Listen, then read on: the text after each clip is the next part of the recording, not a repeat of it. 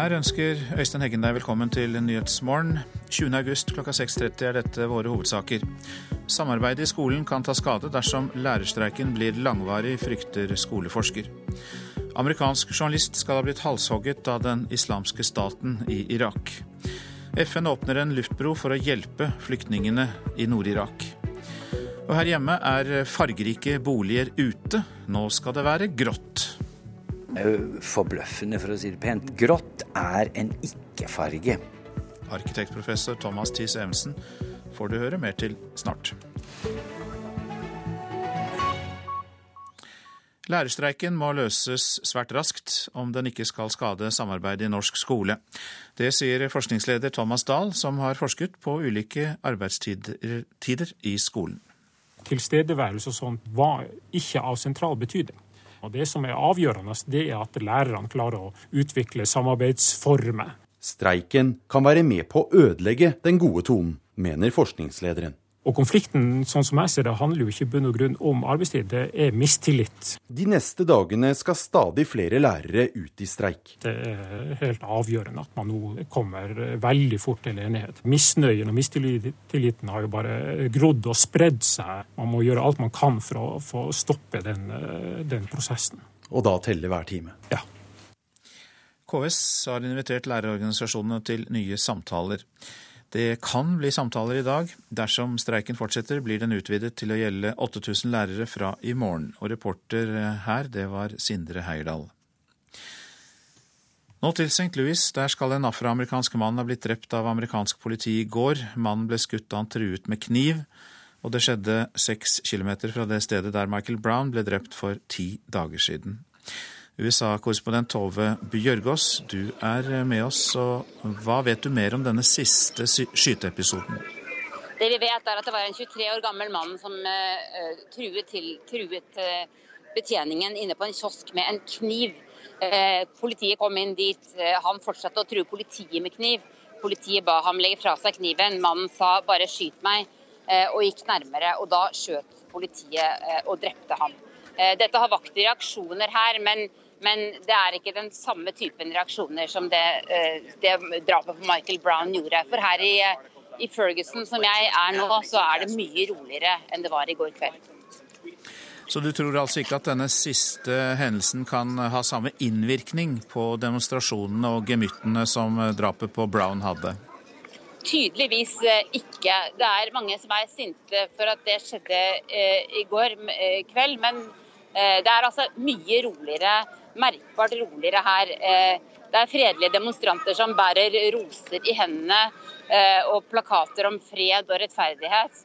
Eh, det er masse politi i dag òg, men ikke like mye som i går. Og jeg har ikke sett så mange soldater. Så det, det, har tydeligvis skjedd et eller annet med stemningen. Nå hadde også politisjefen her oppfordret til én kveld med fredelige demonstrasjoner. Så det er mulig det er det som har slått til. Da kan det ha gitt eh, resultater. Hva skjer videre nå fra myndighetenes side? Det, det, store i dag er at i dag så kommer justisminister Eric Holder hit til Ferguson. Han skal eh, eh, holde et øye med hvordan det går med etterforskningen av drapet, og hva som skal skje med denne politimannen eh, som skjøt. Eh, og Det er det veldig mange her blant demonstrantene som har store forhåpninger til. Holder han er jo selv afroamerikaner. Eh, og eh, blir sett på som relativt radikal av mange hvite her i USA. Eh, så Jeg snakket akkurat med en viktig politisk kommentator som kjenner Obama-administrasjonen godt, som mente at det var veldig viktig at han kommer hit faktisk selv. og Det er også knyttet forventninger til at man kanskje vil møte vanlige folk her i Ferguson for å forsøke å roe ned stemningen. Takk skal du ha, Tove Bjørgaas, som rapporterte fra Ferguson i Missouri. Så til Irak. De islamistiske opprørerne der har offentliggjort en video som skal vise halshoggingen av den amerikanske journalisten James Foley, som har vært savnet siden 2012. Videoen har tittelen 'Et budskap til Amerika' og ble lastet opp på sosiale medier.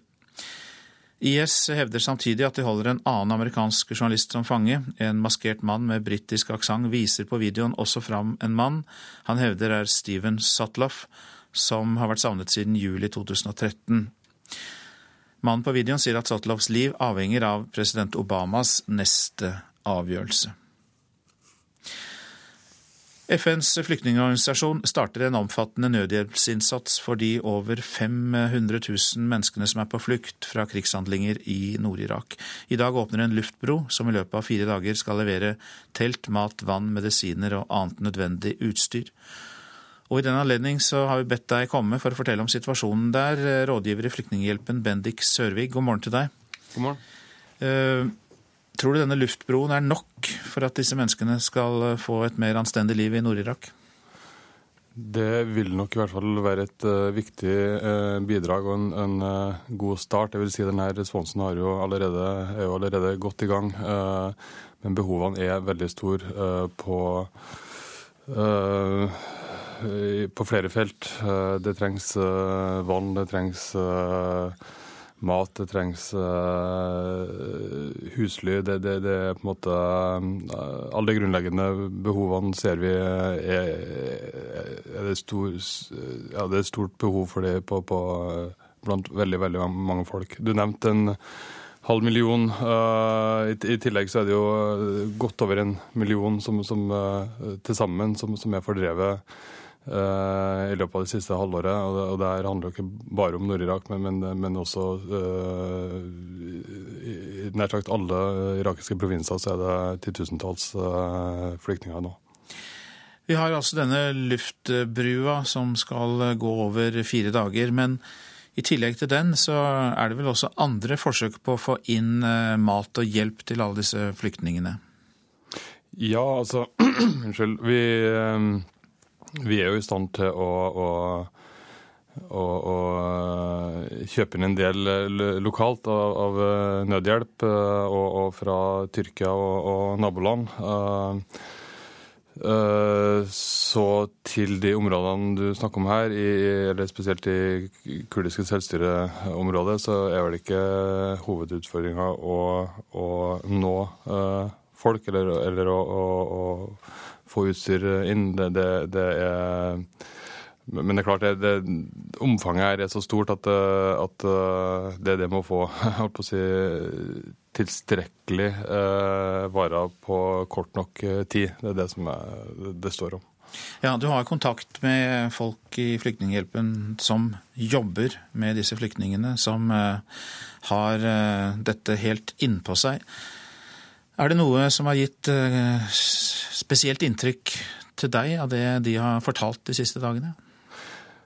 Det er jo det som vi har uh, for så vidt hørt i, i, i, tidligere medierapporter om også, at, uh, at folk uh, kommer ofte uten noe som helst med seg, så, så, så folk mangler alt. I tillegg så, så, er de da traumatisert over å ha blitt fordrevet fra, fra hjemmene sine Jeg tror det er litt vanskelig for oss her i Norge å, å forestille seg hva det uh, innebærer. Uh, også, også, frykten for å, å, aldri, kanskje aldri kunne vende tilbake. Uh, det er klart veldig, Mange av de, de, vi har sett som har tatt seg inn over de grensene til de kurdiske områdene de siste dagene, og det, vi snakker om tusener hver dag. De, de har sett ganske opplevd ganske fæle ting. og Det er også ofte snakk om små barn. ikke sant? Så, så, så sånne ting gjør, gjør, klart inntrykk også for de som står og tar imot dem og skal prøve å, å, å bistå dem. Rådgiver i Flyktninghjelpen, Bendik Sørvig, mange takk skal du ha. Vi skal også omtale ebolaepidemien i Liberia i dag, for den er ute av kontroll, sier nødhjelpskoordinator Lindy Surum i Leger uten grenser.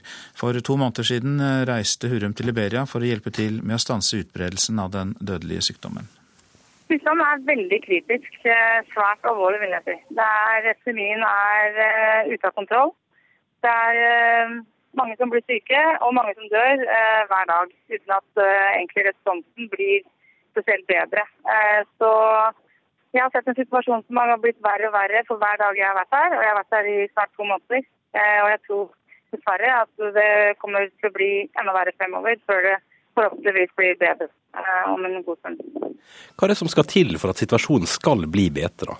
Eh, det meste må bli bedre. Det er ingen del av responsen som er god nok eh, per i dag. Så nå har vi satt opp en stor, et stort mottakssenter som kan innen, innen helgen kommer til å ta imot 300 pasienter. og Det er det største mottakssenteret vi noensinne har laget. Men det er en liten del av puslespillet. fordi det, Man må også drive med opplæring av helsepersonell. Man må informere og forklare folk flest om hva de skal gjøre for å unngå å bli syke og følge opp de som har vært i kontakt med syke, som kanskje kommer til å eh, utvikle symptomer om en liten stund. Eh, vi er nødt til å få bedre data, medisinsk data på hvor mange som er syke og døde. Det er rett og slett hele, hele responsen må, må, bli mye bedre, og det greier ikke myndighetene å gjøre selv. og Det neste nødt til å få massivt eh, hjelp utenfra. Nå er det vel slik at mange i Liberia benekter realitetene i sykdommen og finner forklaringer utenfor det som er logisk og medisinsk. Man tror på heksedoktorer, har vi hørt. Gjør det jobben noe ekstra vanskelig? Ja, Det har gjort jobben ekstra vanskelig til nå. Det har også vært det som har gjort at eh, utbruddet har blitt eh, så stort som det er i dag. Eh, men jeg har sett en ganske stor forandring de siste to ukene, vil jeg si. De aller fleste har forstått og tatt inn over seg at det er veldig alvorlig, mens eh, nok mangler fortsatt kunnskap om hva man skal gjøre for å unngå det. Eh, og det er bare mange som tror at eh, det går an å bli helbreda, enten via generelle såkalte medisinen, eller ved bønn, eller ved å, å bruke urter. sånn at hvis man ikke tror at det er dødelig, så, så er det jo, tar man heller ikke de forholdsreglene som, som man skal. Men jeg tror situasjonen har blitt så alvorlig nå rett og slett, at befolkningen har, har snudd Lindy Surum i Leger uten grenser, og reporter var Idar Edvin Krogstad. En gravid kvinne, tre barn og to menn er drept etter et israelsk rakettangrep mot Gazastripen. Det opplyser palestinsk helsepersonell. Hamas har i natt sendt eh, titalls raketter mot Israel, i hovedsak mot Ben Gurion-flyplassen utenfor Tel Aviv. Den midlertidige våpenhvilen kollapset i går. Da kom det flere angrep fra begge parter. Minst 18 mennesker har mistet livet og 13 er savnet i et jordskred vest i Japan. Skredet ble utløst av kraftig regnvær i utkanten av Hiroshima. Skredet har ødelagt veier og bygninger. Redningsmannskaper leter gjennom gjørme og husrester etter overlevende. Så var det avisene her hjemme. Lærerne mobber motparten under streiken, er oppslaget i Aftenposten. På en åpen Facebook-gruppe blir KS-ledere karakterisert som ekle kryp, quislinger, kjøtthuer og lobotomerte duster. Uakseptabelt, mener Utdanningsforbundet. Unge jobber til det smeller, sier psykolog Svein Gran til Stavanger Aftenblad. Mange unge ambisiøse elsker jobben sin, har en lidenskap for det de gjør, og merker ikke at lange arbeidsdager tapper dem for krefter. Sakte, men sikkert, sier psykologen. Ramponerte kommunale boliger for 127 millioner kroner, skriver Adresseavisen. I enkelte tilfeller må Trondheim kommune totalrenovere boliger fullstendig. Kommunen må bli flinkere til å avdekke problemene før det går så langt, sier kommunalråd Sissel Trønsdal. Jonas Gahr Støre er utpekt til oljebransjens nye trussel, kan vi lese i Dagens Næringsliv. Hans klimaengasjement er en usikkerhetsfaktor for oljeinvesteringene i Norge, ifølge en rapport laget for arbeidsgiverorganisasjonen Norsk olje og gass. Støre selv understreker at Arbeiderpartiet fortsatt skal kombinere strenge miljøkrav med utvinning av olje og gass.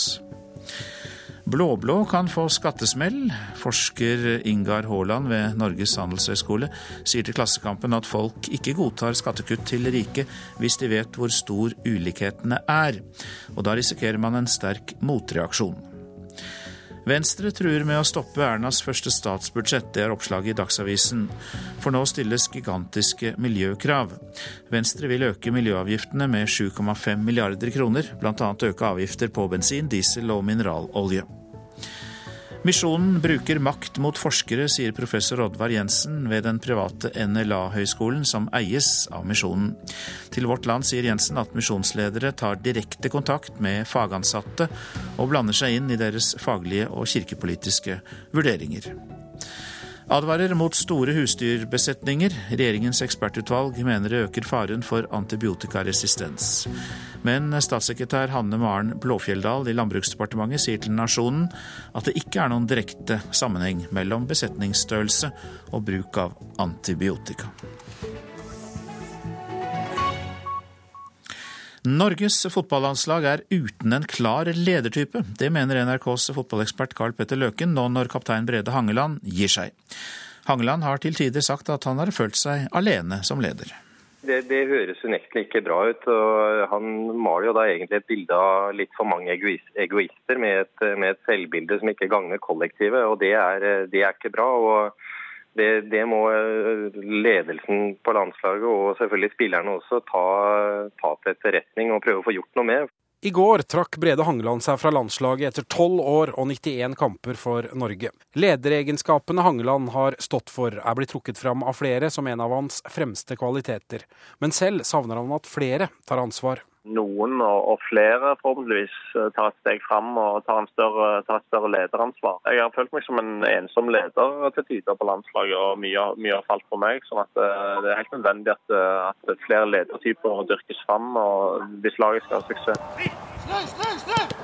Med under tre uker til EM-kvalifiseringskampen mot Italia er det enda ikke klart hvem som skal bære kapteinspinnet. Løken mener Høgmo trenger tid finnes ikke veldig mange som Brede Hangeland når det gjelder eh, å stå frem som et utrolig godt forbilde, og det har han vært gjennom hele karrieren sin. Så, så eh, det tar nok litt tid før en eh, gror inn i den rollen på samme måte som Brede Hangeland har gjort. Tore Reginiussen er kaptein i Rosenborg, og kanskje en av de som skal fylle skoene til Hangeland. Selv er han klar til å steppe opp. Vanskelig for én mann å, å, ta fullstendig kontroll. Så der skjønner jeg absolutt hva han mener, men jeg skal jo i hvert fall hvert fall gjøre mitt beste og, og, og prøve å bli, bli, en leder. Jeg har jo, har jo en, en, ganske lik rolle i Rosenborg med å være kaptein, så, men, men eh, forhåpentligvis så er det, er det flere som ønsker å, ønsker å, ta det. Det er også tanken til Hangeland, som vil ha kapteinstyper i alle ledd. Veldig gode lag har alltid mer enn én en leder i laget. De har liksom eh, minst én i hver lagdel. Et vidsyn som er litt større enn seg selv. Som at det tror jeg er en viktig suksessfaktor for landslaget òg, at, at, eh, flere tar den rollen. Angeland han treffer kanskje litt spikeren på huet nå, føler jeg. For eh, det er altfor mange som går rundt og tror de er bedre enn det de er. Så jeg syns det er bra at han gir uttrykk for det han mener, og som sannsynligvis er helt riktig. Reporter, det var Andreas Toft. Om noen sekunder så er klokka 6.48. Dette er hovedsaker i Nyhetsmorgen. Amerikansk journalist skal ha blitt halshogget av den islamske staten i Irak. FN åpner luftbro for å hjelpe flyktninger i Nord-Irak. Ebolaepidemien i Liberia er ute av kontroll, det sier nødhjelpskoordinator fra Leger uten grenser. Og samarbeid i skolen kan ta skade dersom lærerstreiken blir langvarig, frykter skoleforsker. Nå åpner lokalpolitikerne i Bærum i Akershus for å forsøke med søndagsåpne butikker.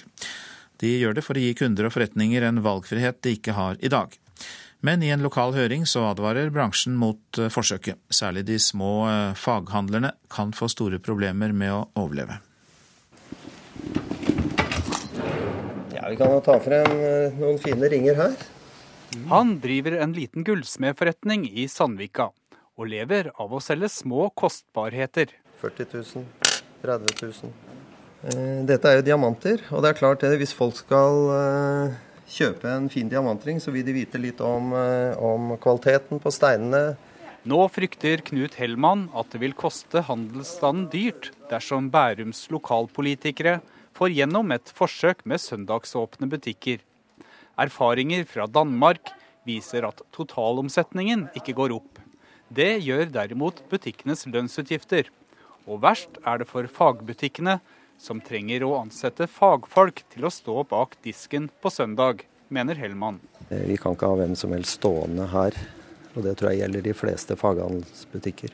Jeg tror det kommer til å føre til at flere må gi seg. Jeg syns folk skal få lov å ha fri på søndager, even de som jobber i butikker. Bør Bærum eh, ha søndagsåpne butikker? Nei, jeg tror ikke det. Hvorfor ikke? Det kunne greid seg å handle de andre seks dagene i uka. Det burde greid seg. Inne på Sandvika storsenter er mange av kundene negative til å gjøre om den sjuende dagen i uka til handelsdag. Men her på Norges største kjøpesenter, målt i omsetning, finner vi også dem som er mest positive til forsøk. For vår del er vi opptatt av at det skal være like rammebetingelser for alle aktører innenfor varehandel. Og vi opplever i dag at det lovverket som, som finnes er konkurransevridende og fører til en bransjeglidning. Det er f.eks. hagesentre som selger en rekke produktkategorier, slik som eh, hagemøbler, griller, eh, leker, interiørartikler eh, osv. Det er jo produkter som vi også selger her på senteret, og vi har ikke anledning til å selge på søndager. Det sier senterleder ved Sandvika Storsenter, Katrine Ingerød. Hun poengterer at hun uttaler seg på vegne av senterledelsen, og at butikkene som leier lokaler i senteret, ikke nødvendigvis er enige i at det bør være søndagsåpent. Jeg kjenner også til at det er flere butikker her på senteret som må uttrykke skepsis til søndagsåpne butikker. Regjeringspartiene er for søndagsåpne butikker, men kulturministeren har varslet at en endring av regelverket tidligst kan skje i 2017. Etter forslag fra Fremskrittspartiet i Bærum vurderer den blå kommunen vest for Oslo å sende en søknad til regjeringen om en forsøksordning i påvente av en lovendring. Men i den lokale høringen som pågår, er bransjen stort sett negativ. Dagligvarekjeden Norgesgruppen fraråder forsøket. Et av poengene er at økte lønnskostnader vil presse opp prisene. Det kan også være en fare for at butikker, av hensyn til konkurransesituasjonen, vil føle seg tvunget til å holde åpent, selv om det ikke er handelsmessig grunnlag for det. Og resultatet kan være at butikker går over ende. Reporter det var Dag Åsdalen. Og nå til Tromsø, der byrådet står fast på ønsket om en omfattende utbygging av 370 boliger, kontorlokaler, parkeringshus og forretninger ved det historiske festningsanlegget Skansen. Riksantikvaren har sagt nei til planene, men leder av byutviklingskomiteen Frid Fossbakk fra Høyre håper at planene kan realiseres likevel.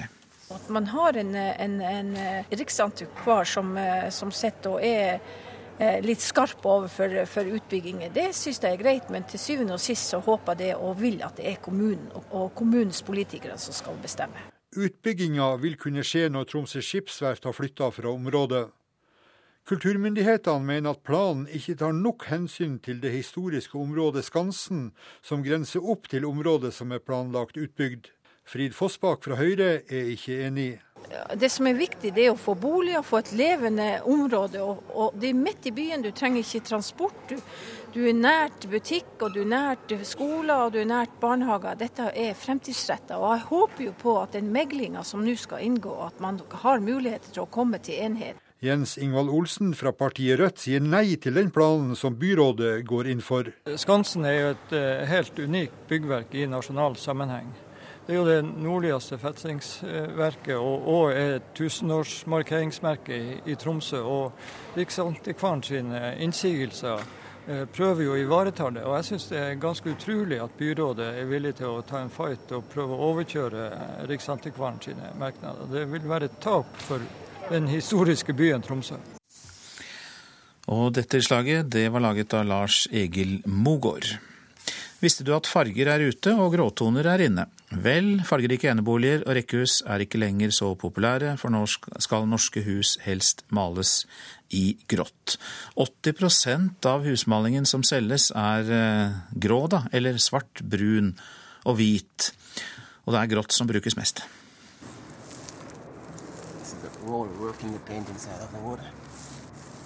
Måleren Mark Richards stryker penselen over bordkledninga på en tomannsbostad på Kalbakken i Oslo. Huset fra 50-tallet er blått, har tidligere vært gult, men nå er det i ferd med å bli grått. Det tror eier Tommy Berg blir bra. Hvis du sammenligner den grå her nå mot den blå sånn som det var, så er det på en måte stiligere.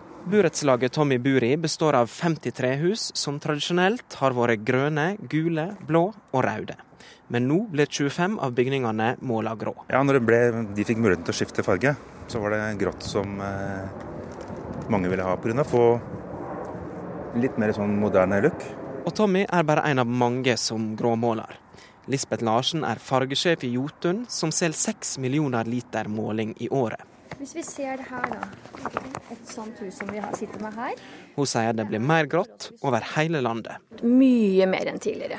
Absolutt mye mer enn tidligere. Og spesielt den, mør den mørke skalaen. Den ser vi har kommet mye, mye sterkere inn. Faktisk er fire av fem spann med husmåling Jotunsel på skalaen hvitt, grått, brunt, svart.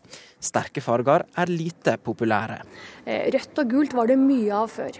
Grønne hus var det også mye mer av før. Forskjellige blåfarger var det også mye mer av før. Jeg skulle nok ønske at folk eh, hadde turt å prøve andre farger. Forbløffende, for å si det pent. Grått er en ikke-farge. Sier tidligere professor ved Arkitekthøgskolen i Oslo, Thomas Thies Evensen. Han tror fargeløysa kan få praktiske konsekvenser. Du kan tenke deg to-tre barn da, som skal gå og vise hvor de bor. Så kan de ikke peke når alle husene er samme farge, vet du. Men hvis det er rødt, og det ene er blått, og det tredje er gult, så kan du peke og få identifikasjonen på plass. Men Lisbeth Larsen i Jotun tror folk er opptatt av å ta omsyn til naboene og til tida. Men så er det nå gang sånn at når man maler et hus, så legger man litt penger i det. Man velger et bra produkt som skal holde i veldig, veldig mange år. Og da velger man jo en ganske sånn sikker farge. Tilbake på Kalbakken er Mark i gang med å måle vindskeiene. At fargen skal vare i mange år, det er viktig også for Tommy Berg. Nå måler vi med en god måling som skal vare i, eh, garantert i 13 år, er det vel?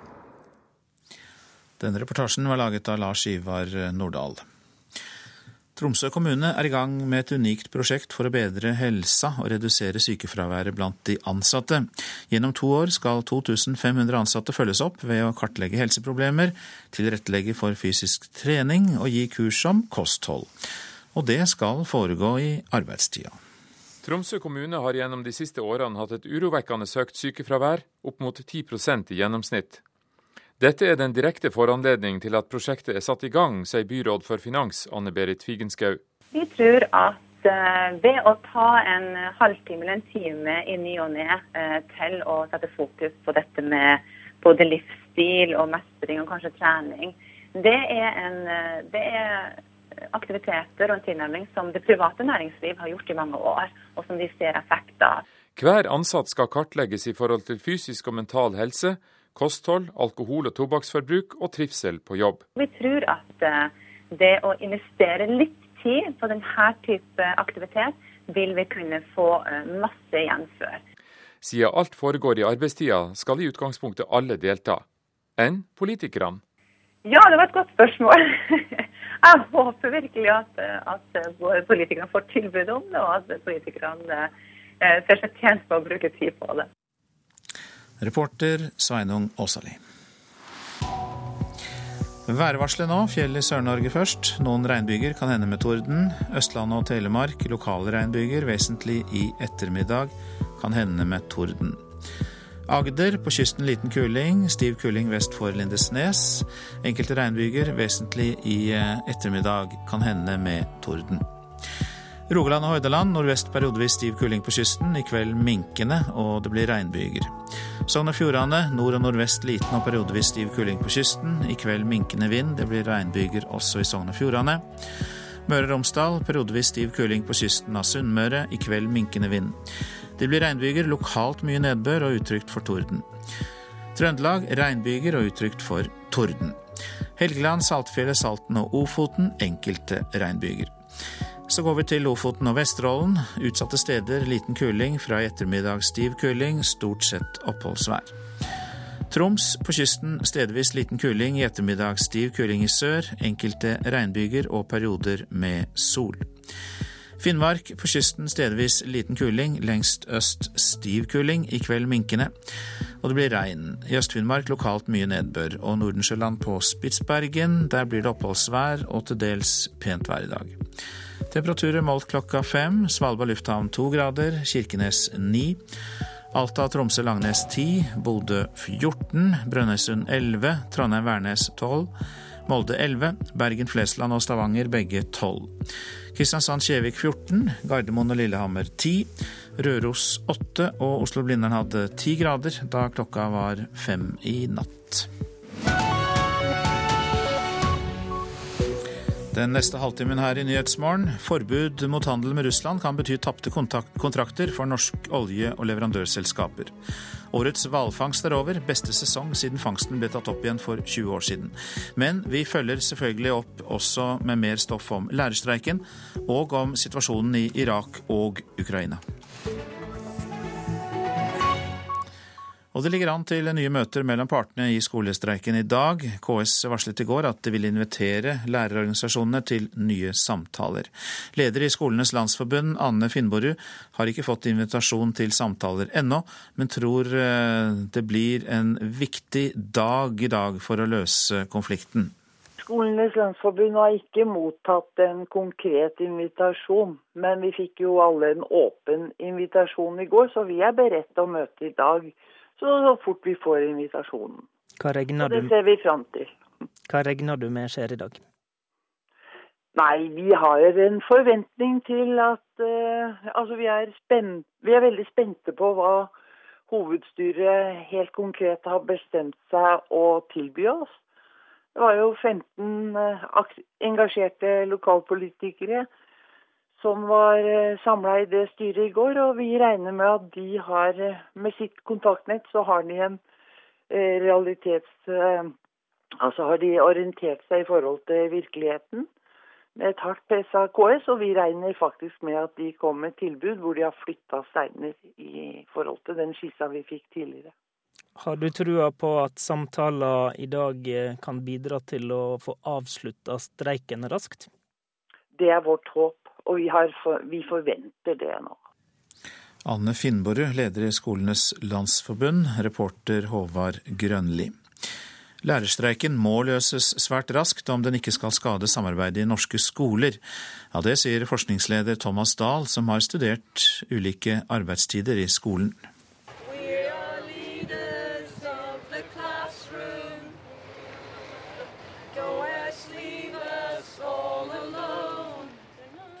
Lærere i streik holder kampmoralen oppe med hjemmesnekrede sangtekster.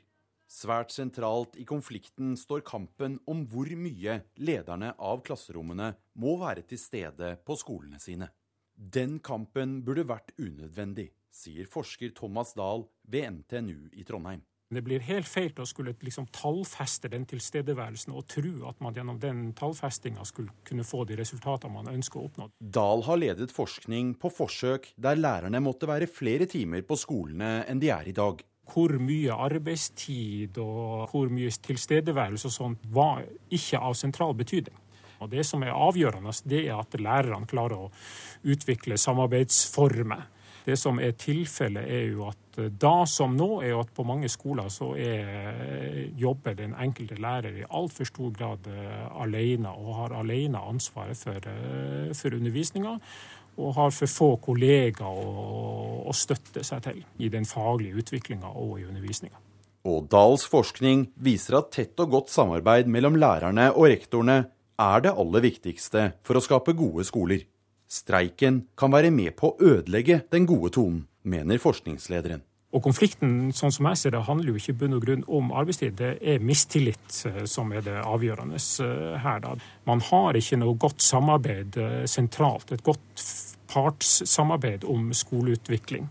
Og det gjør at Når man da møtes til tarifforhandling, så starter man nesten på, på bare bakke. De neste dagene skal stadig flere lærere ut i streik det er helt avgjørende at man nå kommer veldig fort til enighet. Eh, vi har jo sett at eh, misnøyen og mistilliten har jo bare eh, grodd og spredd seg. Man må gjøre alt man kan for å få stoppe den, den prosessen.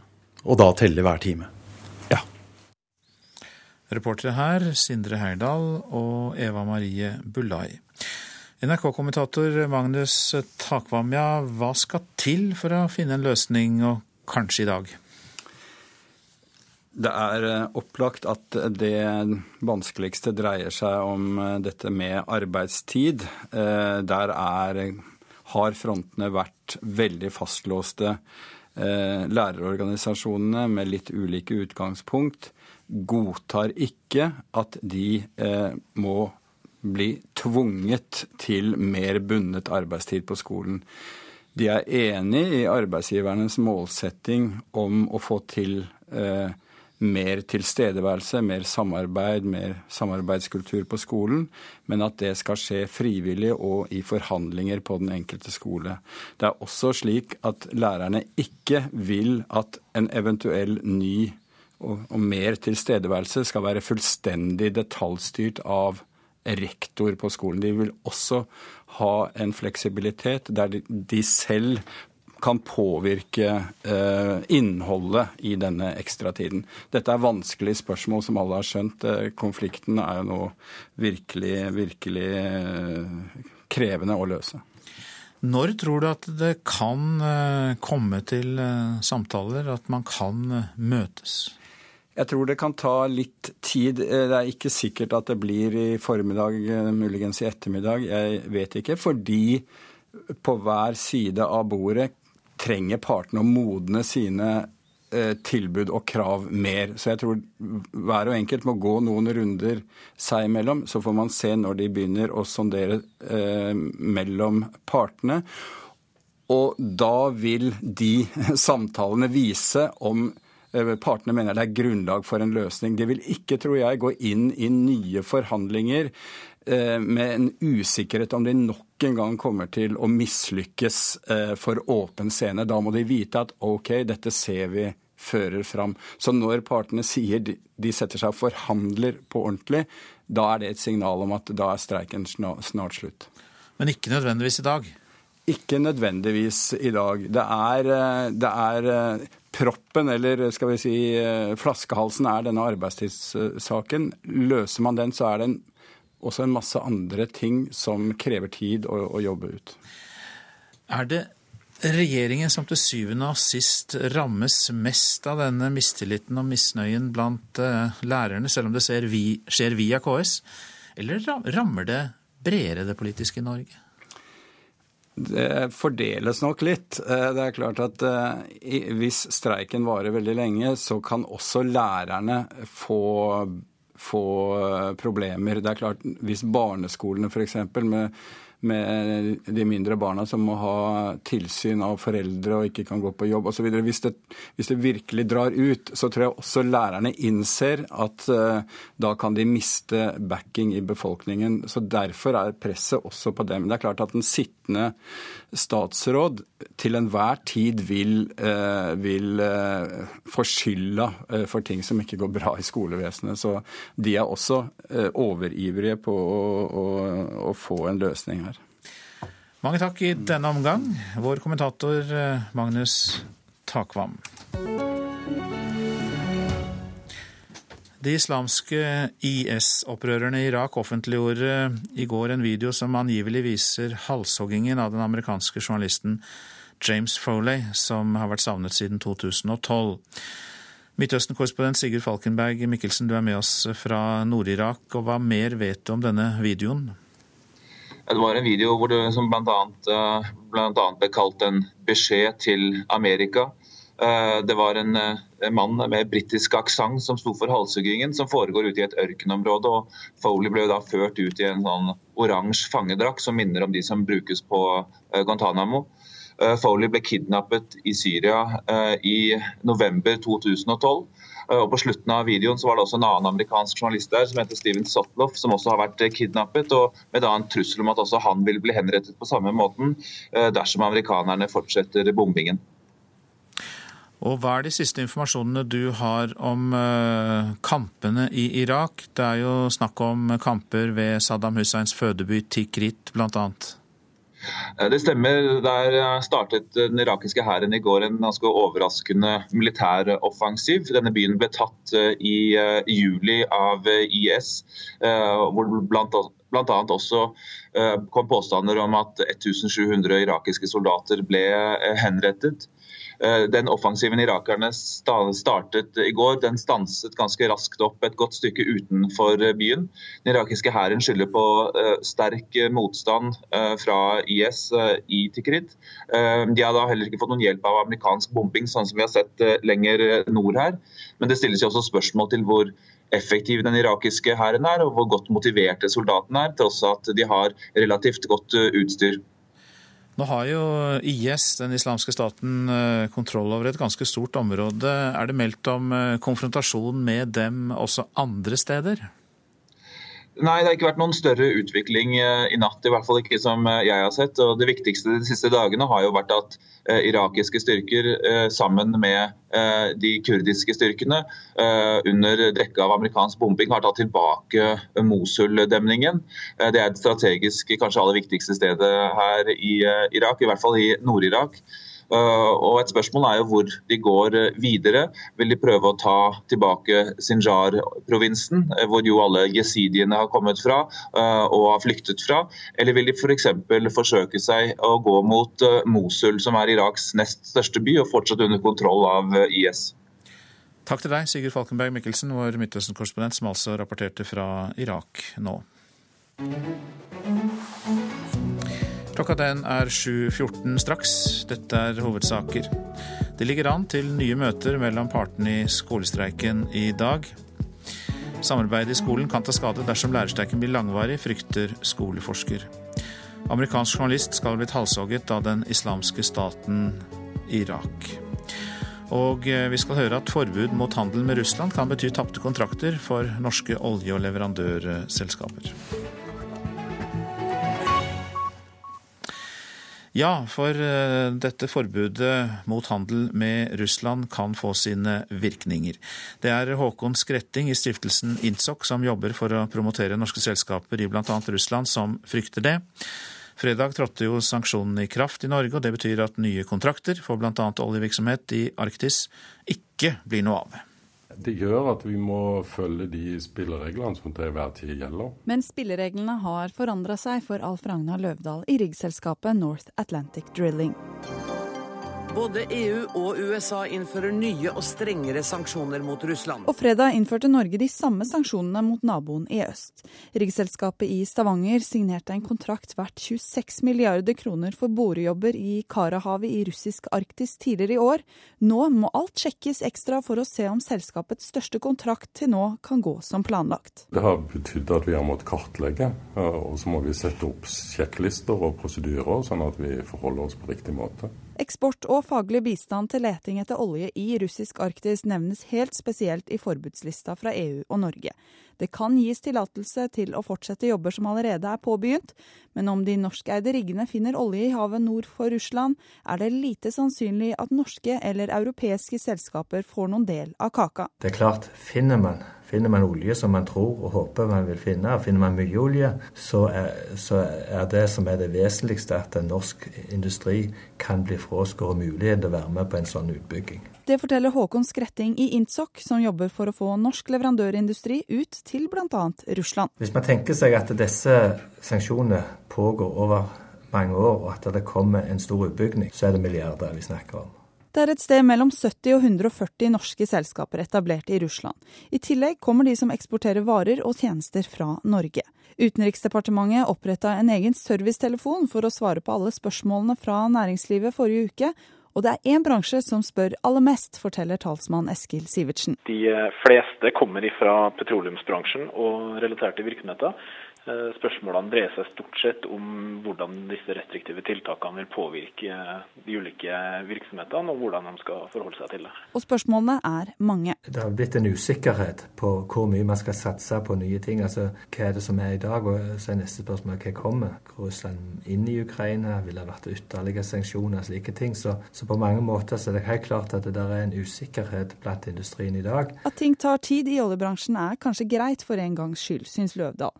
Andre markeder kan dukke opp hvis de ikke får fortsette jobben framover, men Russland er fremdeles attraktivt. For oss så vil jo neste gang vi skal til, til disse områdene, vil jo være til neste år. da, Så da er det jo en tidshorisont som vi har på det. Men eh, dere tar gjerne en kontrakt til i Russland, eller? Ja, det vil vi absolutt. Dere lar dere ikke stoppe av sanksjoner? Eh, det ble litt feil å si det på den måten. Vi forholder oss til sanksjoner. Reporter her var Inger Johanne Stenberg. Så sier vi god morgen til deg, Morten Jentoft. Du er påtroppende Moskva-korrespondent, er vel på plass i Moskva om få dager. Og det er jo situasjonen i Ukraina som er bakgrunnen for de sanksjonene vi hørte om her.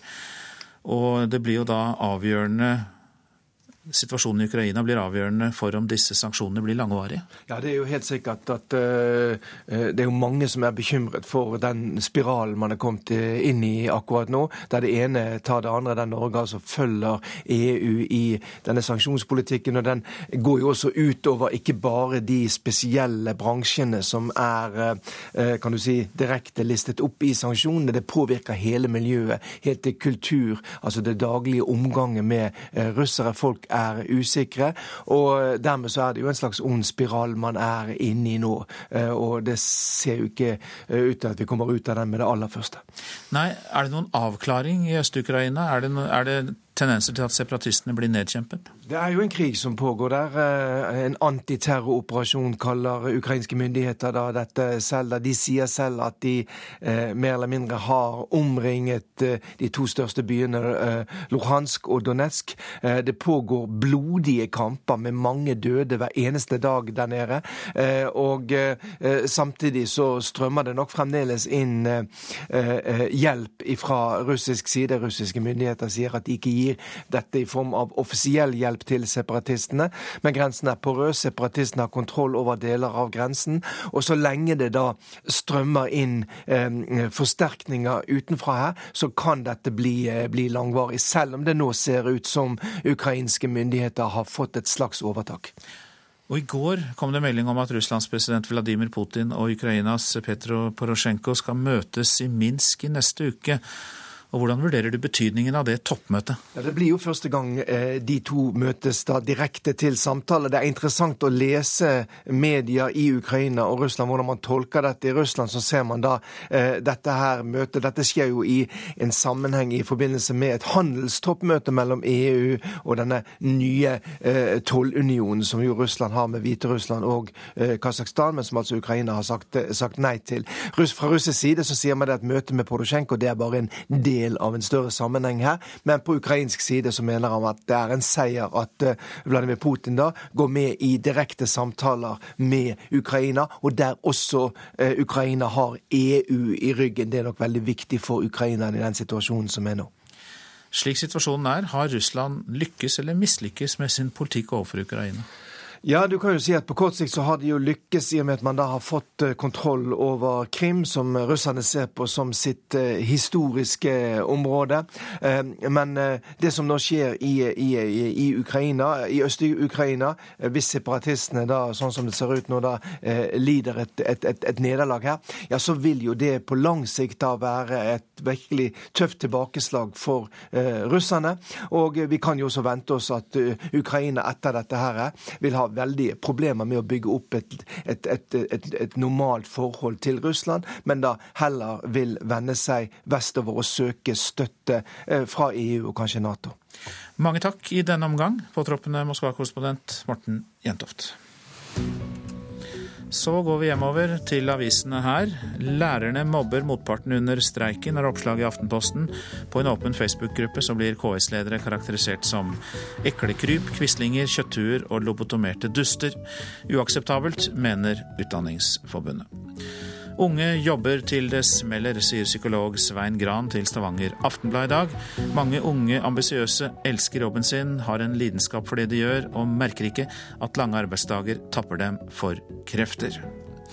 Ramponerte kommunale boliger for 127 millioner kroner, skriver Adresseavisen. I enkelte tilfeller må Trondheim kommune totalrenovere boligen fullstendig. Kommunen må bli flinkere til å avdekke problemene før det går så langt, sier kommunalråd Sissel Trønsdal. Jonas Gahr Støre er utpekt til oljebransjens nye trussel, kan vi lese i Dagens Næringsliv. Hans klimaengasjement er en usikkerhetsfaktor for oljeinvesteringene i Norge, ifølge en rapport laget for arbeidsgiverorganisasjonen Norsk olje og gass. Støre selv understreker at Arbeiderpartiet fortsatt skal kombinere strenge miljøkrav med utvinning av olje og gass. Blå-blå kan få skattesmell. Forsker Ingar Haaland ved Norges handelshøyskole sier til Klassekampen at folk ikke godtar skattekutt til de rike hvis de vet hvor stor ulikhetene er. Da risikerer man en sterk motreaksjon. Venstre truer med å stoppe Ernas første statsbudsjett, det er oppslag i Dagsavisen, for nå stilles gigantiske klimakrav. Venstre vil øke miljøavgiftene med 7,5 milliarder kroner, bl.a. øke avgiftene på bensin, diesel og mineralolje. Misjonen bruker makt mot forskere, sier professor Oddvar Jensen ved den private NLA-høgskolen, som eies av Misjonen. Til Vårt Land sier Jensen at misjonsledere tar direkte kontakt med fagansatte og blander seg inn i deres faglige og kirkepolitiske vurderinger advarer mot store husdyrbesetninger. Regjeringens ekspertutvalg mener det øker faren for antibiotikaresistens. Men statssekretær Hanne Maren Blåfjelldal i Landbruksdepartementet sier til Nasjonen at det ikke er noen direkte sammenheng mellom besetningsstørrelse og bruk av, av antibiotika. Årets eh, hvalsesong er avsluttet med beste resultat siden hvalfangsten kom i gang igjen i 1993. Men fortsatt er det problemer med å få solgt hvalkjøttet. Det er tatt 729 eh, hval i årets fangst, 139 flere enn året før, sier regiondirektør i Norges Råfisklag, Brita Rasmussen. Jeg vil oppsummere den til å ha vært en eh, veldig bra sesong. Det har vært et brukbart vær, og så har det vært 21 hvalskuter i aktivitet. Så det er klart at uh, de har klart å samle med seg ganske mye i år.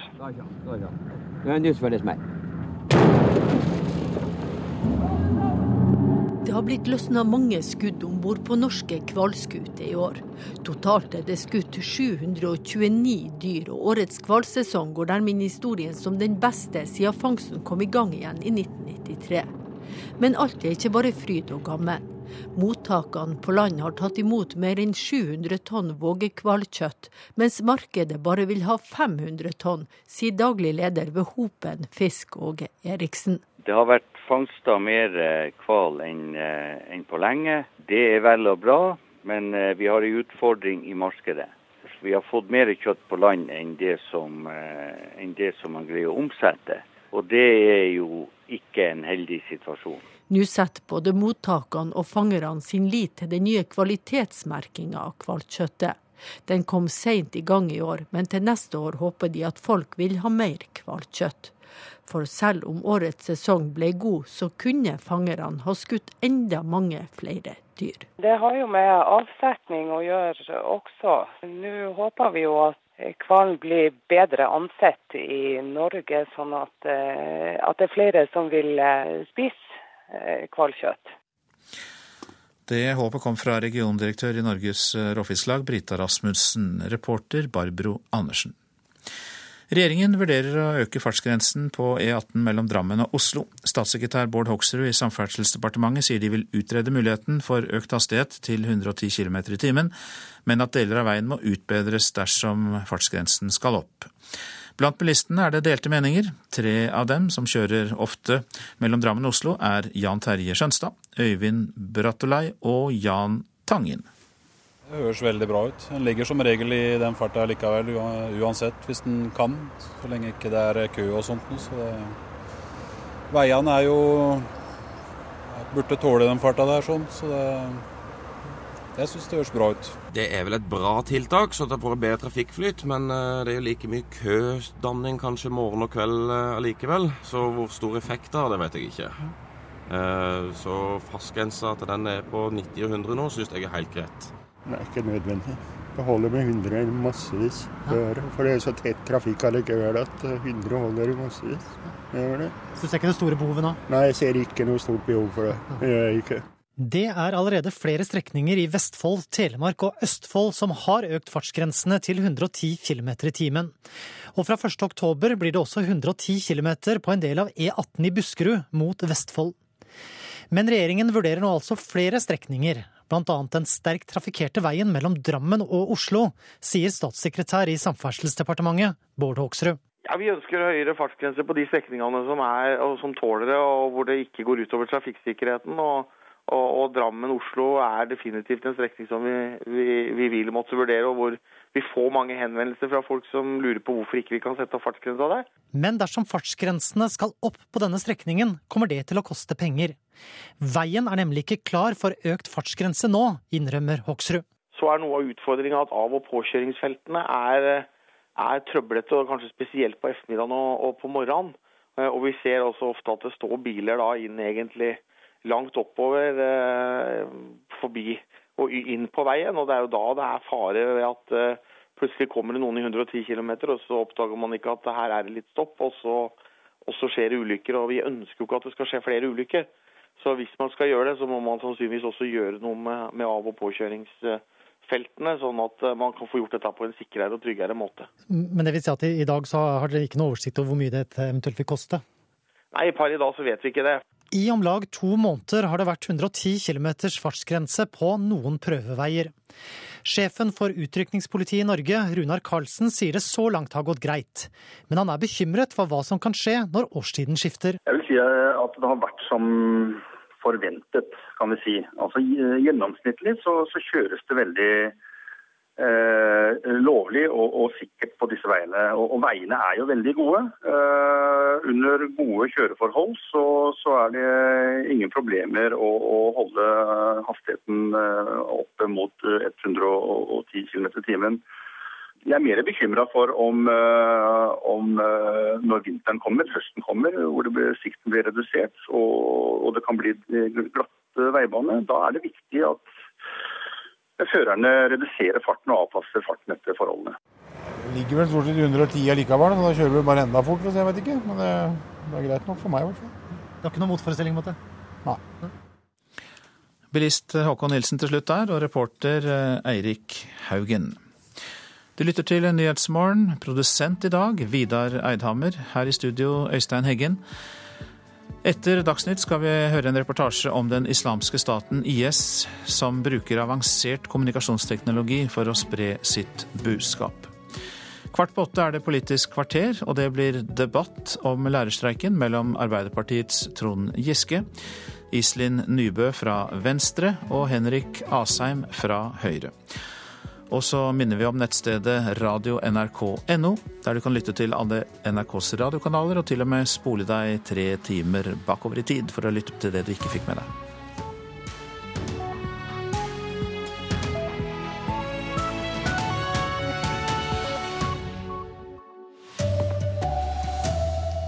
Lærerne er villige til å forhandle, men har ikke fått noen innkalling fra KS ennå.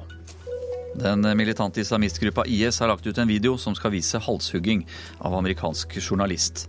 Det er fortsatt urolig i Ferguson. Nå kommer USAs justisminister for å få en oversikt over situasjonen. Her er NRK Dagsnytt, klokka er 7.30. Ja, det kan bli nye samtaler mellom partene i lærerkonflikten i dag. Arbeidsgiverorganisasjonen KS sa i går at de ville invitere til nye møter. Men fortsatt har ikke lærerorganisasjonene fått noen invitasjon. Men de har positive forventninger til de nye signalene fra KS. Forskningsleder Thomas Dahl sier til NRK at lærerstreiken må løses svært raskt om den ikke skal skade samarbeidet i norsk skole.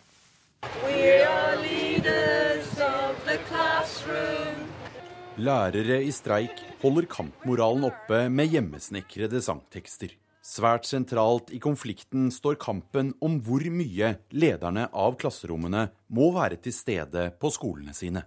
Den kampen burde vært unødvendig, sier forsker Thomas Dahl ved NTNU i Trondheim. Det blir helt feil å skulle liksom tallfeste den tilstedeværelsen og tro at man gjennom den tallfestinga skulle kunne få de resultatene man ønsker å oppnå. Dahl har ledet forskning på forsøk der lærerne måtte være flere timer på skolene enn de er i dag. Tilstedeværelse og sånt var ikke av sentral betydning. Og Det som er avgjørende, det er at lærerne klarer å utvikle samarbeidsformer. Streiken kan være med på å ødelegge den gode tonen, mener forskningslederen. Og konflikten sånn som jeg ser det, handler jo ikke i bunn og grunn om arbeidstid, det er mistillit. NRK har vært i kontakt med alle lærerorganisasjonene på morgenkvisten. Ingen har ennå fått invitasjon til nye samtaler med KS, sjøl om KS-styret sa de ville komme med en slik invitasjon i går. Men leder Anne Finnborud i Skolenes landsforbund tror og håper på nye samtaler i dag. Og hun regner med at KS nå kommer med noe som kan endre konflikten. Så vi regner faktisk med at de kommer med tilbud hvor de har flytta steiner i forhold til den skissa vi fikk tidligere. Neste møte med arbeidsgiver nå bør kunne føre til at lærerorganisasjonene kan avblåse streiken, håper Finnborud. Det er vårt håp, og vi, for, vi forventer det nå. KS sier til NRK at de avklarer senere i dag om de inviterer til møte i dag. Reportere her, det var Håvard Grønli, Sindre Heierdal og Eva Marie Bulai. Politisk kommentator Magnus Takvam, hva skal til for å løse denne lærerkonflikten? Ja, Slik denne konflikten har utviklet seg, så må det være en løsning som kan få flertall i en ny uravstemning blant lærerne. Og dermed så må en ny enighet oppfattes som en klar seier for lærerne. Det er det enkle svaret på det. Stridens kjerne er om det skal være et pålegg, altså tvangsmessig pålegg i en sentral avtale om mer bundet arbeidstid for lærerne enn i dag, eller ikke, dersom man ikke blir enige om en turnus arbeidstidsordning på den enkelte skole. Før dette er løst, løser man heller ingen andre ting i det komplekset man nå forhandler om. Men Hvordan skal tilliten mellom lærerne, politikerne og KS eh, gjenopprettes da? Det er selvfølgelig et mer langsiktig spørsmål som man ikke løser, tror jeg, med ett slag i et oppgjør.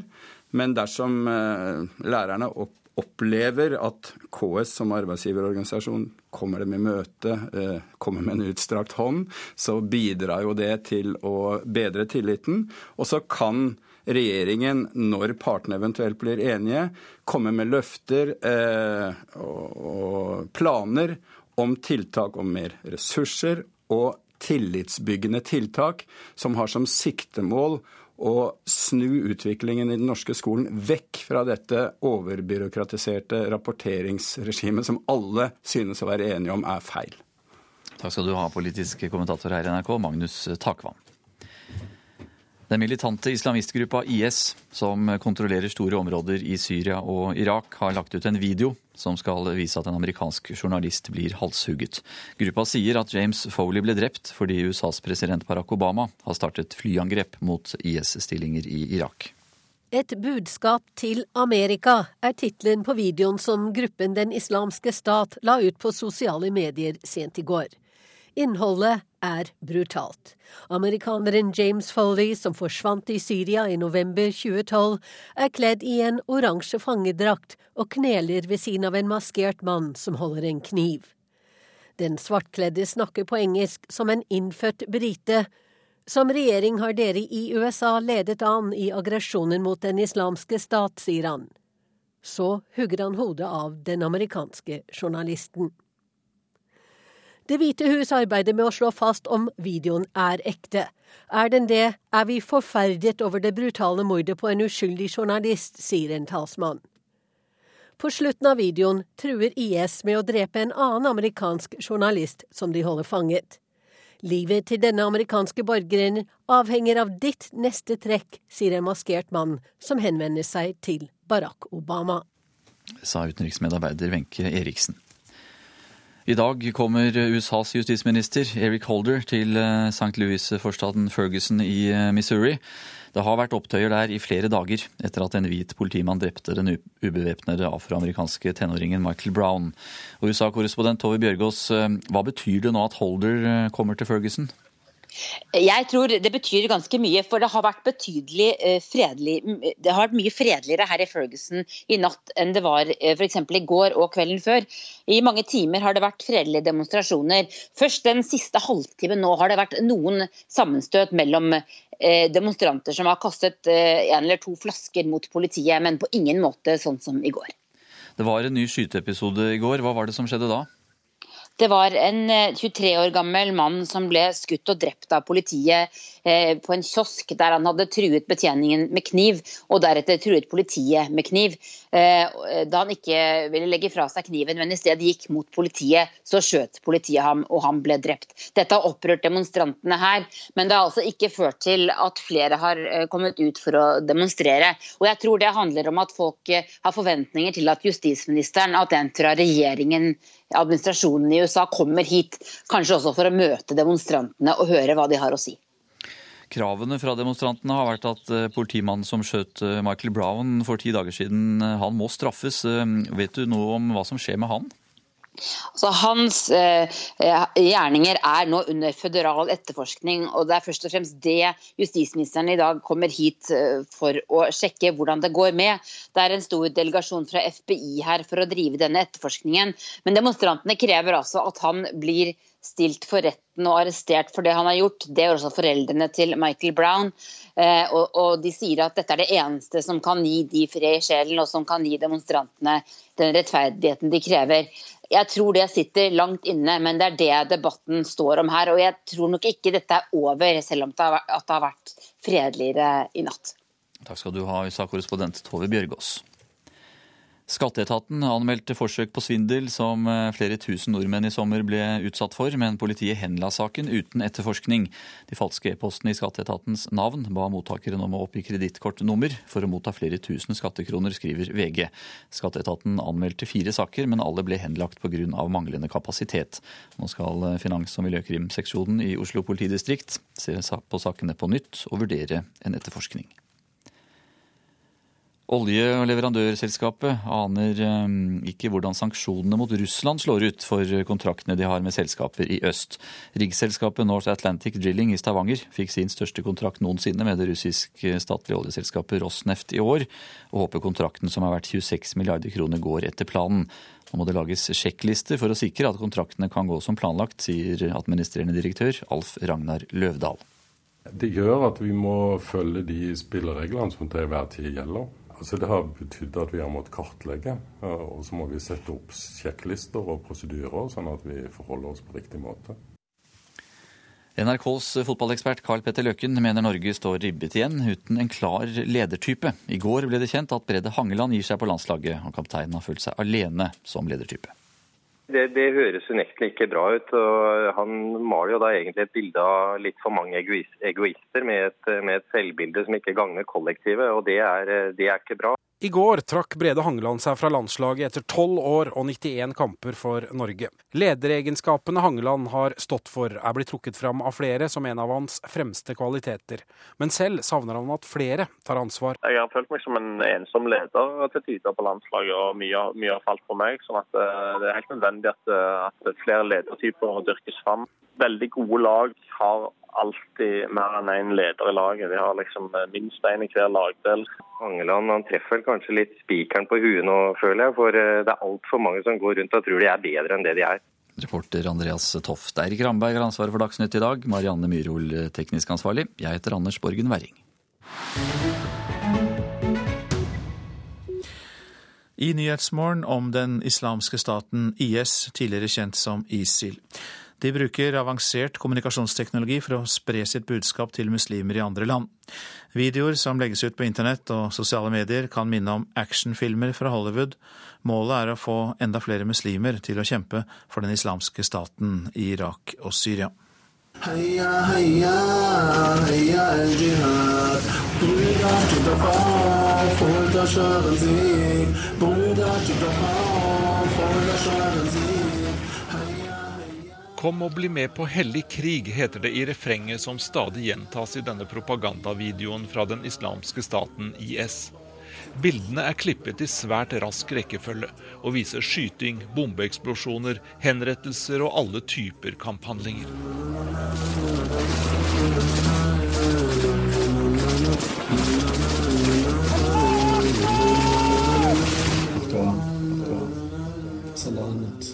Videoen ser ut som et reklameklipp for en amerikansk actionfilm, selv om det her er virkelig kjøretøy, bygninger og mennesker som sprenges i lufta eller skytes ned for fote. Hensikten er å vise hvor slagkraftig og framgangsrik den islamske staten er. Og på dette området lykkes de ytterliggående islamistene ganske godt. De har fått tak i profesjonelle folk som bruker avansert kommunikasjonsteknologi. Videoene er utstyrt med engelsk oversettelse, og på en av dem er sangen på tysk.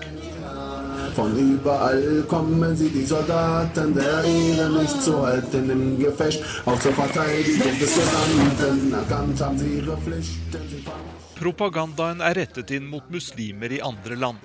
Et av målene er å få flere unge muslimske menn i vestlige land til å reise til den islamske staten for å kjempe på islamistenes side. Flere av dem som har reist, forteller hvor fantastisk det er å være i det nyopprettede kalifatet. And really and truly, as Muslims, that's all we want and that's, that's all we need.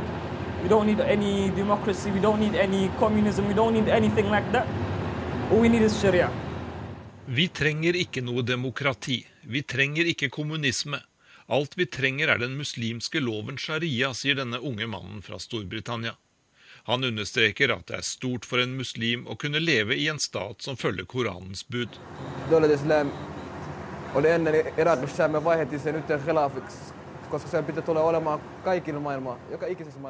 Vi lever et velsignet liv. Alle muslimer bør komme til den islamske staten, sier denne mannen som kommer fra Finland. Han håper at islamistene kommer til å erobre stadig nye områder, og at islamsk lov en gang kommer til å styre Finland også. شريعة ربنا نور به نسمو على النجم Til sammen har mange hundre unge muslimer fra vestlige land reist til Syria og Irak for å kjempe sammen med islamistene. Kanskje dreier det seg om tusentalls. Og lederne for den islamske staten håper ved å bruke moderne propagandametoder at enda flere vil komme.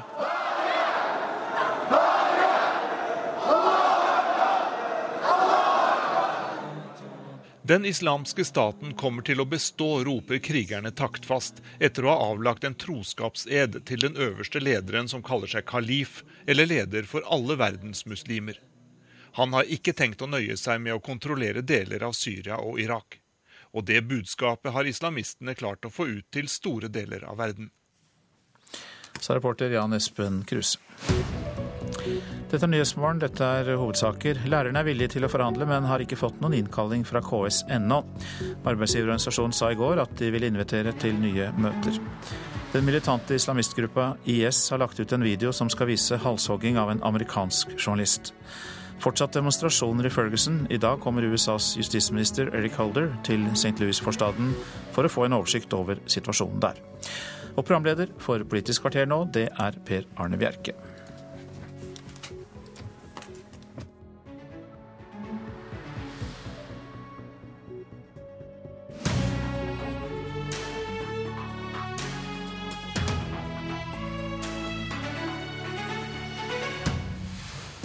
KS ber om nye forhandlinger med lærerne. Hvor lenge kan konflikten pågå før regjering og storting sier at nok er nok? I dag er det 50 dager siden de første lærerne gikk ut i streik, og i går kveld inviterte KS til nye samtaler for å få slutt på konflikten. Leder i utdanningskomiteen på Stortinget, Trond Giske fra Arbeiderpartiet. Dere har jo flere representanter i KS hovedstyre. Hvilket press vil du legge på partene for å få slutt på denne streiken? Jeg mener at det er veldig viktig at eh, både KS og lærerorganisasjonene gjør alt de kan for å finne en løsning. Det er alvorlig når mange tusen eh, unge står uten skoleplass. Eh, det går noen uker, men så begynner det å få alvorlige konsekvenser. Eh, det er også sånn at det er lov å ha strid om arbeidsavtaler i Norge. Det er lov å streike, så det må vi respektere. Men det påligger et ansvar på absolutt alle for å snu de steinene som skal til for å bli enige. Men går det ikke en grense for hvor lenge dere kan sitte og se på dette her? Ja, Vi bør ikke sitte og se på som myndigheter eh, på skoleområdet, for der kan vi bidra. Eh, fordi en del av denne konflikten dreier seg om eh, lærernes frustrasjon over en hverdag som er blitt for byråkratisk, som er for prega av dokumentasjon og rapporter og møter og skjema. Og mye av dette kommer jo ikke fra arbeidstidsavtalen, de kommer fra nasjonal skolepolitikk. Så der er et område hvor vi kan bidra til å finne en løsning. Vi skal komme tilbake til dette med byråkrati i skolen, men også spørre deg, Henrik Asheim, skolepolitisk politisk talsmann for Høyre på Stortinget. Har partene nå mer enn dager til disposisjon for, før regjering og i siste omgang storting bør vedta tunge lønnsnemnd for å få slutt på denne konflikten? Det skal veldig mye til å gå inn med en tvungen lønnsnemnd. Dette er jo til og med regulerte internasjonale konvensjoner, så vi kan på en måte ikke bare gjøre det selv om vi gjerne skulle sett elevene tilbake på skolen. Men det er helt riktig, jeg er enig med Trond Giske i det, at det er ikke slik at vi har for mange skoledager i Norge. Eh, og det er viktig at elevene får den undervisningen de har krav på. Snart nå så vil tiden ha gått så mye at elevene mister grunnleggende kunnskap som det er vanskelig å få hentet tilbake i løpet av høstsemesteret. Og da uh, håper jeg at partene kjenner på det ansvaret, slik at de blir enige fort. Iselin Nybø, nestleder i utdanningskomiteen og representant for Venstre. Hvor lang tid eh, har partene på seg før denne konflikten får uforsvarlige, store samfunnsmessige konsekvenser? Nei, Det er vanskelig å si ett eh, nøyaktig tidspunkt når det skjer, men det er klart at det blir jo alvorligere og alvorligere for hver dag som går. Jeg tror eh, begge parter har nødt for å eh, sette seg sammen for å finne en løsning. Og ikke minst så har KS et ansvar for å strekke seg langt eh, for å bli enige med, med Utdanningsforbundet om en, om en avtale som, som, lærerne føler at det viser de tillit, eh, og gjør de i stand til å gjøre den jobben som de er satt til å gjøre. Bør KS fullstendig frafalle kravet om bundet tid? Eh, jeg skal ikke si hva KS bør gjøre og ikke bør gjøre, men jeg syns at de skal strekke seg langt. Eh, fordi at eh, jeg tror Utdanningsforbundet i den situasjonen de er nå, trenger å føle at de får en seier. Jeg tror de trenger å føle at KS og arbeidsgiveren har tillit til den jobben som de gjør. Og jeg tror at hvis KS hadde opptrådt noe mer musikalsk i starten av disse forhandlingene, så hadde vi kanskje til og med unngått en streik. Så jeg tror ansvaret påligger begge parter, men spesielt KS har et ansvar her. Giske, bør KS nå gi seg på dette kravet om bundet tid? Jeg tror begge partene er i en litt vanskelig situasjon. fordi at eh, Bakgrunnen for dette var jo at man hadde en avtale som var anbefalt av både arbeidsgiver og arbeidstaker. Så sa medlemsmassen i eh, Utdanningsforbundet nei. SL hadde allerede sagt nei. Eh, og Det skyldtes sikkert deler av avtalen, men jeg tror vi må forstå den i en større sammenheng. Nemlig lærere som føler at det blir for lite tid til å være lærer. At det er for mange kontrollmekanismer, for mange tester, for mange som skal passe på. og eh, lite frihet til å gjøre det man har mange års utdanning for å gjøre, nemlig være pedagog, følge opp elever, gi tilbakemeldinger, sørge for læring.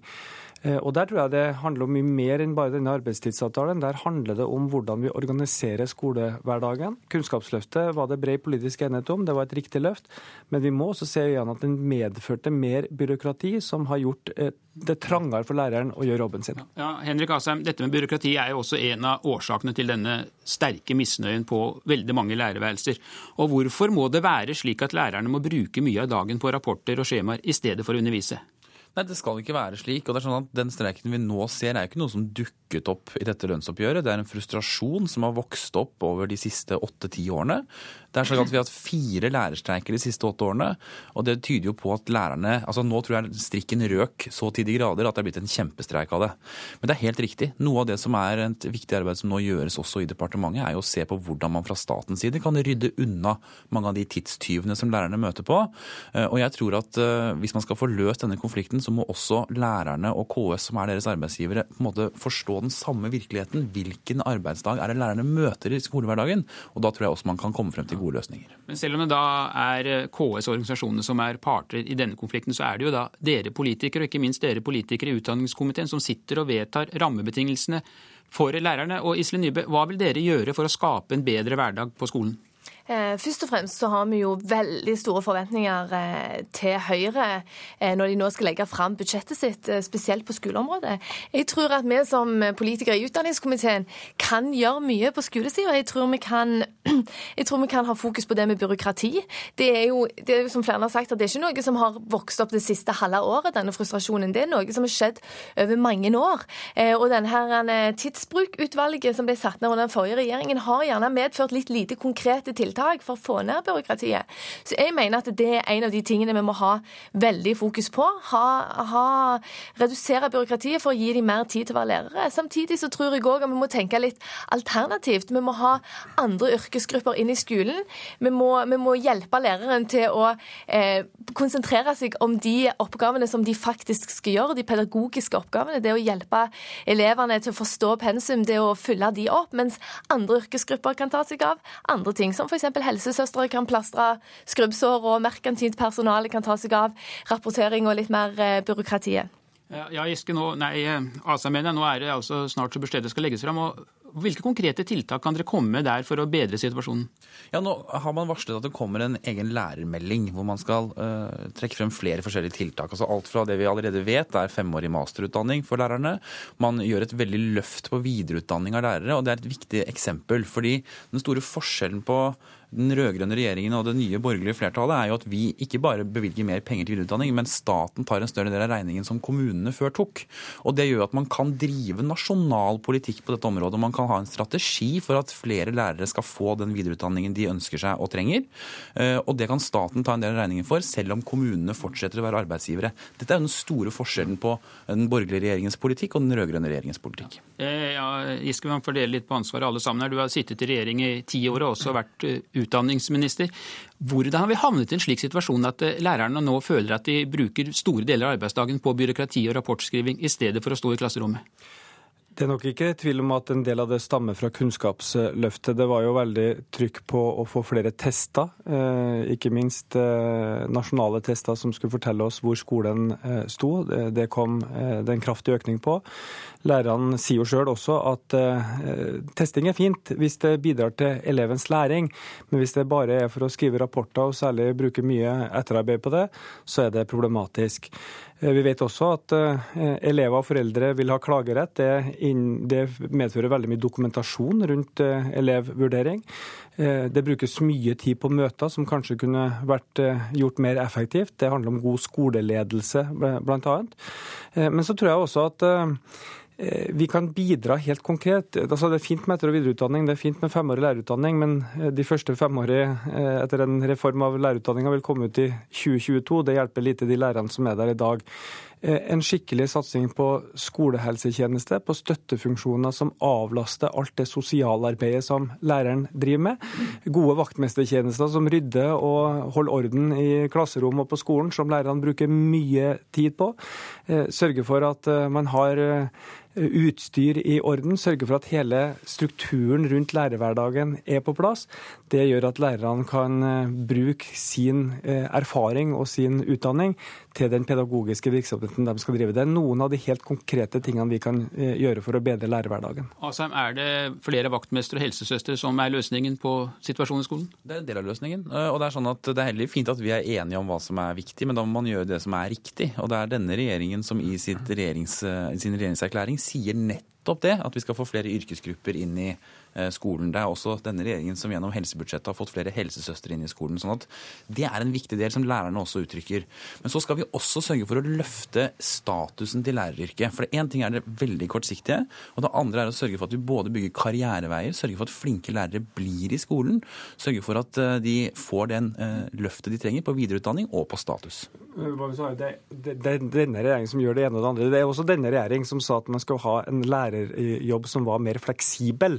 Eh, det tror jeg Høyre til og med gikk til valg på. Og Gunn Marit Helgesen, som leder KS eh, og er fra Høyre, jeg tror det er til og med samme kommunepartiet som eh, kunnskapsministeren, står jo ikke akkurat for den linja. Og helsesøstertjenesten ble, heller, skolehelsetjenesten ble heller ikke oppfunnet av Høyre. Og det er fint med disse tingene du sier, heve statusen til læreryrket, mer etter- og videreutdanning. Du får enstemmig støtte i Stortinget for de tingene. Men det hjelper ikke hverdagen til lærerne i dag. Og det er der vi som nasjonale politikere må gå gjennom alt fra læreplanarbeidet, fra dokumentasjonskrav, byråkrati, støttefunksjoner, skoleledelse. Alle de tingene som kan frigjøre tid for lærerne til å være lærer, til å jobbe med elevene, til å sørge for læring. Det hjelper vi ikke med ting som virker om fem eller ti år, det må vi gjøre i dag. Iselin Nybø, nå virker det som dere tre da er enige om at noe må gjøres. og Hvorfor kan dere ikke da bare vedta det? Du sitter jo til og med som et, et av de partiene som utgjør flertallet for regjeringen. Jo, jeg tror at Venstre sin viktigste oppgave framover blir nettopp å pushe på. Eh, fordi eh, vi har nødt for å, å, stille høye forventninger til den regjeringen som sitter nå. Vi har nødt for å presse dem på disse tingene, både når det gjelder videre- og etterutdanning til lærere, når det gjelder satsing på skolehelsetjenesten, når det gjelder det å faktisk gjøre noe med byråkratiet. For eh, selv om vi er enige eh, om at det ting må gjøres, så er det sånn at eh, ingenting er jo gjort før det faktisk er gjort. Eh, og selv om vi har en regjering her med gode intensjoner, så tror jeg at hele Stortinget, og ikke minst Venstre, har nødt for å bruke sin posisjon til nettopp å presse på at vi faktisk ser resultatene. Altså. Men det, var jo, altså, det er litt pussig hvis alle er enig at vi har havnet i den situasjonen vi har havnet i. Og det kan jo ha noe med hva som har blitt gjort. ikke sant? Og det kan jo hende at selv om Arbeiderpartiet nå er veldig for å fjerne byråkrati i skolen, at de kanskje bygget opp det byråkratiet i løpet av de åtte årene de styrte sammen med SV og Senterpartiet. For det gjorde de faktisk. Og da er det slik at når vi nå er en regjering som da legger frem en lærermelding som kommer nå denne høsten, når vi sammen med Venstre gikk til valg på at vi skal ha det videreutdanningsløftet, at vi skal løfte statusen, så er jo det fordi det ikke var blitt gjort. Det er en grunn til at de tapte valget. Det er jo ikke bare helt tilfeldig. Det kan jo hende at frustrasjonen har vokst frem pga. rød-grønn politikk, og at vi har en regjering som nå tar det på alvor. Det foregår en fryktelig interessant debatt eh, Henrik Asheim, om framtida. Den syns jeg du skal melde deg på.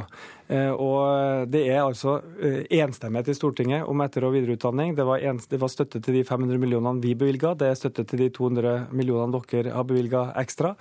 Så vi trenger ikke å krangle om det vi er enige om. Spørsmålet er bare hva gjør vi for dagens lærere? Hvordan gjør vi deres jobb lettere? Hvordan kan de hjelpe våre barn og unge til å lære så mye som de skal? En av de tingene som lærerne forteller når man er ute på skolene, er at man eh, er for få at det blir for mange barn for uh, hver lærer. At når man skal hjelpe én som sliter med lesinga, med regninga, kanskje med atferdsvansker, så mister de andre elevene oppmerksomheten.